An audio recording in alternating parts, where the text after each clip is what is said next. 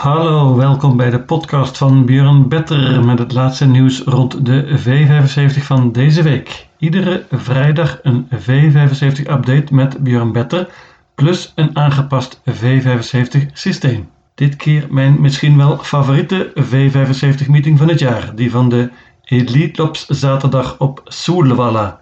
Altijd een hoogtepunt met V75 finales en de steerkoers Harper Hannover.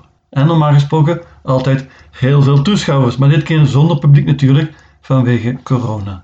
Het niveau van de races is er in ieder geval niet minder op geworden. Schitterende koersen en toppaden. Eén kanttekening echter, er staan een paar grote favorieten in die zeer moeilijk te kloppen zullen zijn. Ik denk niet dat de uitbetaling heel hoog zal worden dit keer. Ten slotte, vergeet niet, aan het eind van deze podcast kom ik met een update V75 systeem. Daar gaan we!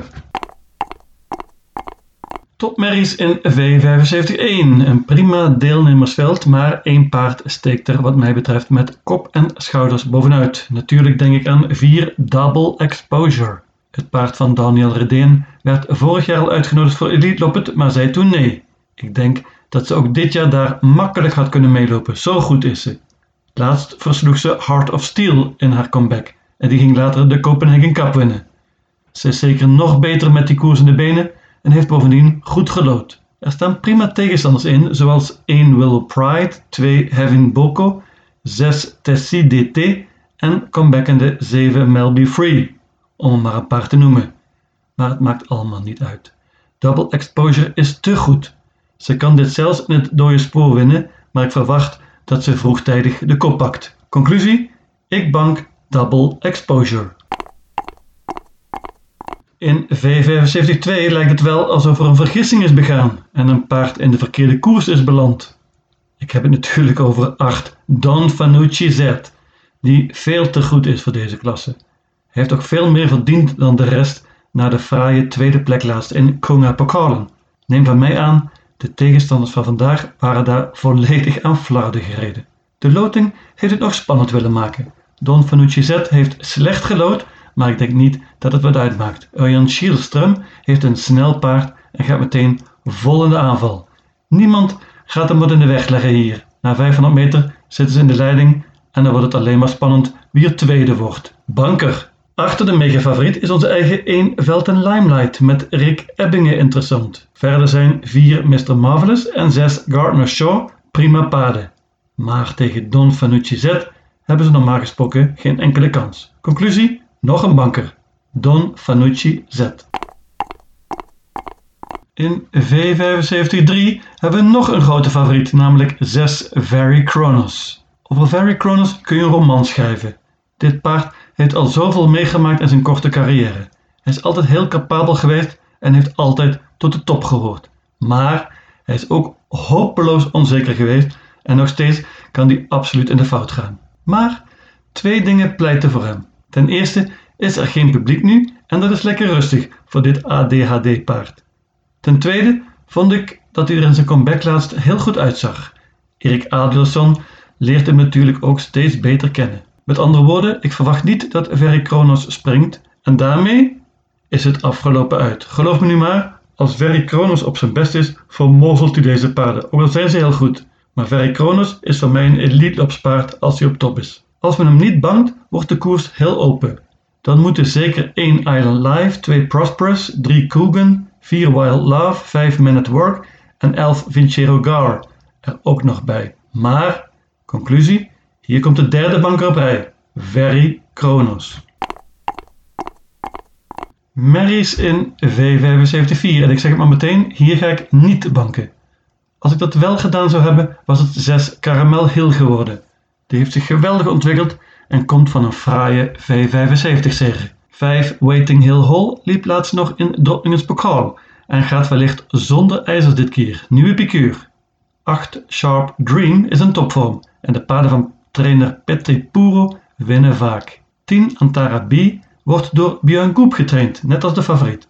Ze heeft een interessant nummer en met een perfecte start zou ze zomaar de kop kunnen pakken na een tijdje. 14 Indra Secret is misschien wel het beste paard van deze koers, maar het nummer is lastig en ze is beter op de lange afstand.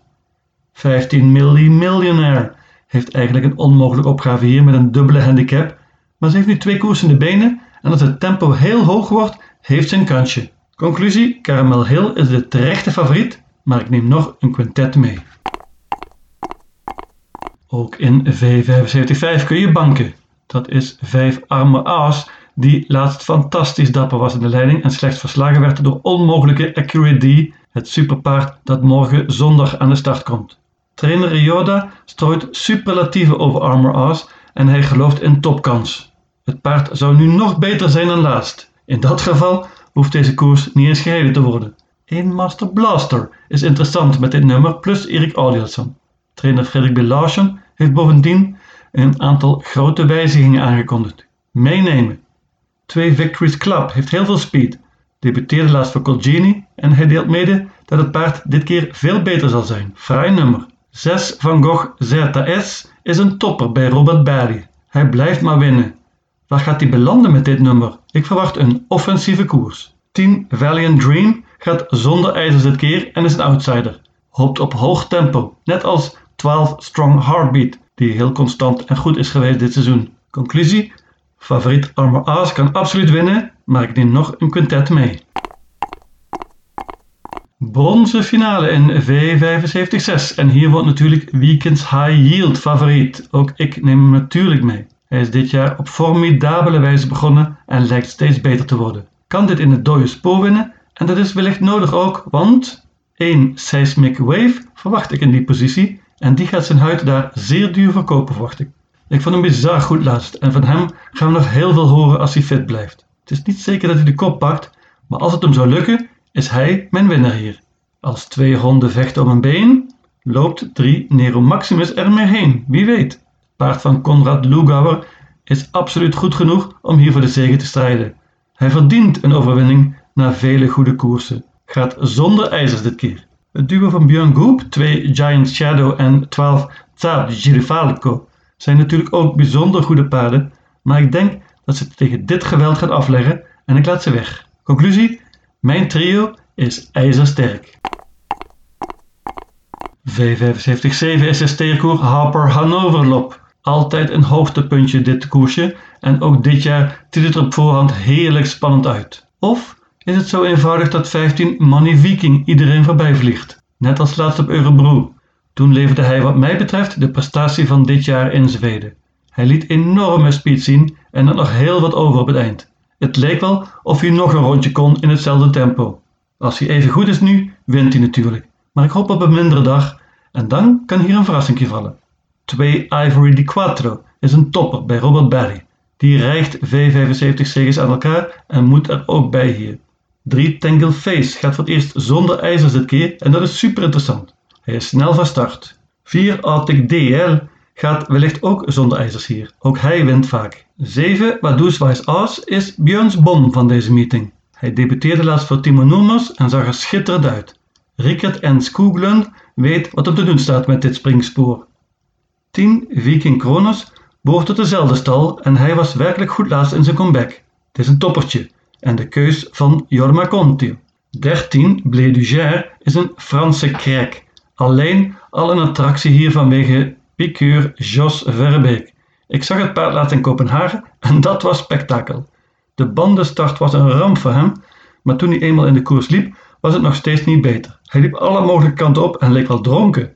Dat hij toch nog kon winnen, zegt wel iets over zijn capaciteit. Trainer Froe de Hamre heeft een paar belangrijke wijzigingen aangekondigd en verwacht een verbeterde Blédugère. Conclusie? Money Viking wint als hij even goed is als laatst. Maar zo niet, kan dit een heerlijk gevecht worden.